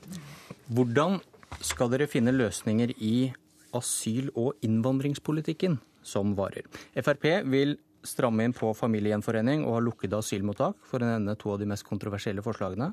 Venstre og KrF vil la asylbarna få bli i Norge. Elvestuen varige løsninger på asylområdet? Ja, Det er helt klart at det her sånn er, er uenigheter, og de ligger jo her. Men vi må også lete etter eh, områder hvor vi også må, kan finne fram til at vi, områder vi trenger å gjøre noe. For det er ikke noe tvil om at troverdigheten også innenfor asylinstituttet er trua av noen, noen problemstillinger. F.eks. dette med kriminelle asylsøkere. Eh, hvor vi jo har en enighet om at du må ha en mye raskere saksbehandlingstid enn det du har i dag. For mye av problemene her ligger også i den lange saksbehandlingstiden. Vi mener I forhold til asylbarn så er det, det er ingen grunn, når noen har vært så lenge i landet, å markere nærmest overfor enkeltpersoner at du må ut når man har vært der så lenge. Men hovedproblemstillingen ligger jo i saksbehandlingstiden. At det i det hele tatt tar så lang tid før man får en beslutning. Jeg merker at politikere er veldig glad i å gå over i å snakke om det man allerede er enige om, som kanskje ikke er så kontroversielt. Men Solvik-Olsen, Aftenposten skriver i dag om at sentrale kilder da, jeg vet ikke om det er dere, i de borgerlige partiene ser for seg et kompromiss. De 400 asylbarna får bli et engangsamnesti, og Venstre og KrF går med på noen innstramninger i familiegjenforeningspolitikken. Høres det ut som noe som kan vare? Det høres ut som et kompromiss. Om det det blir, det, det vet en ikke. Men, Nei, men, men, men bare... ta, kom, kommenter akkurat det. Hva tenker du om en slik sannsynlig løsning som kan, som kan gjøre at båten bærer? Eh, altså, Fremskrittspartiet går til valg fordi vi vil stramme inn på asylpolitikken. Aftenposten hadde for tre dager siden en sak som viser hvordan enkelte bander fra utlandet, når de blir tatt av politiet, så søker de umiddelbart asyl, for da kommer det plutselig en annen prosess i gang enn den strafferettslige prosessen. Sånne ting må vi stramme inn på. Må, og De viser også hvordan norske asylmottak blir et arnested for de gjengene, og der mange kommer inn og ut for å deale narkotika. Men, men så, vent litt, jeg stilte Spørsmålet mitt var kan asylbarna få bli hvis dere får stramme inn litt i familiegjenforeningspolitikken? Da er du inne på det for de forhandlingene som kommer til å skje bak lukka dører, så det uttaler meg ikke om. Men, men vi, ja, vi ønsker å stramme inn på familiegjenforeningspolitikken, for der er det mye skjult innvandring som skjer. Men samtidig er det sånn, det er ingen tvil om at det har vært omdiskutert internt i Frp nettopp hvordan du skal håndtere det som blir følgende av andres feilaktige asylpolitikk, nettopp asylbarna. Og Der har noen av oss ment at her bør vi gi amnesti, andre har ment at det vil sende et eh, feil signal. Eh, så det er et område der Frp ikke er like e Eriksen, her, her, drar dere i forskjellig retning. Og man, som Aftenposten skriver i dag, kanskje det går an å snekre et kompromiss mens verden forandrer seg, nye situasjoner oppstår. Hvordan skal dere finne felles grunn her?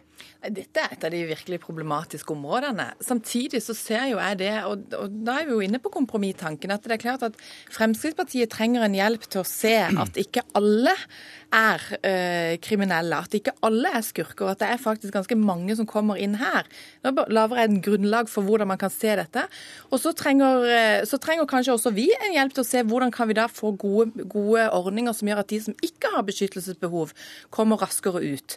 Så der, der ligger det ei ramme som går an. Men jeg må bare si, og det tror jeg at for KrF, så teller asylbarna det teller vanvittig høyt. Jeg, Mer enn familiegjenforening, f.eks.? Nei, altså, men det, tenker jeg, det, det ligger i hvert fall et, som et sterkt, sterkt ønske hos oss om å klare å få gjort noe med det. Men det som ligger like sterkt som det, det er at når folk da er kommet hit så skal de få en sterk og god integrering fra starten, bli behandla på en respektfull måte, og at ikke de skal måtte sitte på asylmottak. Jeg har vært besøkt ganske mange asylmottak i det siste og sett hvor lenge folk sitter der på uverdige tilstander. Det ønsker vi å få en slutt. Så det å tørre da å integrere de raskere, få de på plass, selv om ikke de har fått vedtak på orden, vil være viktig for oss. Så dette er ikke bare asylbarn mot gjenforening. Dette er et veldig komplisert og svært område. Og for KrF så kommer vi til å ha hjerteengasjementet. Men samtidig så er det viktig for oss at ikke vi undergraver asylinstituttet, sånn som Olav Elvestuen sa. Vi, det å få tatt kriminelle asylsøkere og de som utnytter dette systemet, det er kjempeviktig. Dette hørtes vanskelig ut. Aftenposten kan være inngangen til siste sak også. Deres borgerlige kilde mener at Venstre og KrF ikke kan leve med noe annet enn at Lofoten og Vesterålen forblir urørt. Solvik-Olsen. Vi ønsker å videreutvikle norsk olje- og gassindustri. Vi ser altså i det globale bildet, for dette handler jo om energiproduksjon. I det globale bildet så sier venstresiden og miljøbevegelsen at vi må la olje og gassen ligge. Men faktum er jo at de siste tolv årene så har jo verdens energiforbruk økt kraftig. Og det er kull som øker mest i volum. Og Da er det relevant å si at hvis vi kutter norsk olje- og gassproduksjon, så er det kull som er den mest nærliggende å overta for det. Det viser de siste tolv årene. Så kan en godt drømme annerledes. Og Norge bør ta et sterkere initiativ på å utvikle fornybar energi. Der tror jeg òg vi står sammen. Men du kan ikke stoppe olje- og gassvirksomheten de neste 20 årene, for det er ikke alternativ. Men når det gjelder Lofoten og Vesterålen, hvis Høyre og Frp går for åpning, hva er varigheten på et borgerlig prosjekt da? Det er totalpakken som kommer her. Fordi at våre forutsetninger Vi ønsker å utvinne disse ressursene fordi vi tror det er godt for lokalsamfunnet, det er godt for energinasjonen Norge det er godt for norsk oljeindustri. Det er der vi i dag videreutvikle teknologi og alt mulig sånne ting. Så må du samtidig ha klare krav som handler om de lokale miljøformål. Du skal ikke komme i konflikt med fiskeriene. Du skal ivareta turistmulighetene dette. Det kommer til å være vanskelige krav som oljenæringen møter. Og hvis de ikke møter de, så vil de heller ikke få bygge ut. Men vi har en løsning der vi tror at dette lar seg gjøre, og derfor skal de få sjansen til å vise det, istedenfor at du sier nei uansett. Du kan ikke risikere en sånn både-og-løsning. Naturverdiene utenfor Lofoten, Vesterålen og Senja er mye større enn den eventuelle oljen som skulle ligge der. Og dette står definitivt øverst på blokka for eh, Venstre. Men fortell, meg, fortell meg, Elvestuen, da, hvor finner dere felles grunn i fire-åtte år på dette området her. Nå er det også noe med grunnlaget. For det er klart at vi går til valg for at vi må ha et sterkt Venstre i en blå-grønn regjering. Og vårt alternativ er en regjering med Høyre, Venstre og KrF. Nå er det kortsiktig igjen. Vi har fire, nei, det er fire partier som har snakket sammen for å sikre at vi har en borgerlig regjering. Og så er det viktig at, de, at de innenfor de områdene hvor man trenger en enighet, så skal du utmeisle en politikk. At du ikke ender opp med en slags hestehandel, men at du utmeisler politikken for å få varige løsninger. Og Dette er det fullt mulig å få til, men vi må også se på de enkelte saker. Om det gjelder Lofoten, Vesterålen og Senja, så jeg klarer ikke å, i det hele tatt å se argumentet for at den begrensede andelen olje der skulle stå overfor de naturverdier og den helt unike torskestammen som ligger utenfor Lofoten, Vesterålen og Senja. Så det er klart at dette er et veldig viktig spørsmål, og det er varig vern av Lofoten Lofoten, Vesterålen og Senja er en grunnleggende spørsmål for Venstre. Eriksen, kjøttvekta her, miljøpartiene er i mindretall, og de som ønsker å gå videre i Lofoten og Vesterålen, er i flertall. Men kompromisset her er kanskje at man lar det ligge fordi man har funnet så mye annen olje man kan holde på med.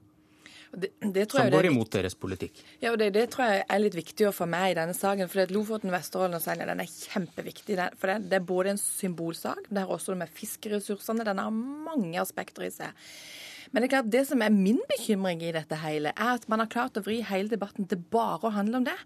Min største bekymring det er at Norge nå sakker etter. Eh, vi lå først når det gjaldt å få utrusta på vannkraftproduksjon for å få energi. Vi lå først på oljeproduksjon for å få energi. Og nå hører jeg at eh, Fremskrittspartiet og Høyre, og til dels også Arbeiderpartiet, ikke ønsker å være i forkant på, på de nye fornybare energiområdene, sånn at, KRF, nei, sånn at ikke KrF, men Norge kunne tatt ledelse også på dette. Og det, det ønsker jeg. Så, så, i dette området også så blir det ikke bare en forhandling mellom ja eller nei til Lofoten, Vesterålen, Senja. Dette, også på dette området så er det ganske mange andre kompliserte og vanskelige ting som vi skal klare å ta, ta fatt på. Så velgerne har jo en ypperlig mulighet nå til å finne ut av hva, hva, er det vi vil skal styre, hva er det vi vil skal være det avgjørende det var, når vi kommer. Det var tre saker, 20 minutter. Tror, du, tror dere lytterne har fått noe større tro på en uh, borgerlig fremtid som varer noe mer enn et års tid? Jeg tror det du hører, det er tre parti, og jeg tror også du hadde hørt det samme hvis Høyre var her, som klarer å snakke sammen, som klarer å se at jo, vi er uenige i inngangene på en del spørsmål, men klimaforhandlingene, rovdyrforhandlingene viser jo at når vi skal finne de praktiske løsningene, så er det mulig. Ketil Sjovik-Olsen, Dagrun Eriksen, Ola Elvestuen, godt valg. Takk. Dette var Politisk kvarter. Jeg heter Bjørn Myklebust.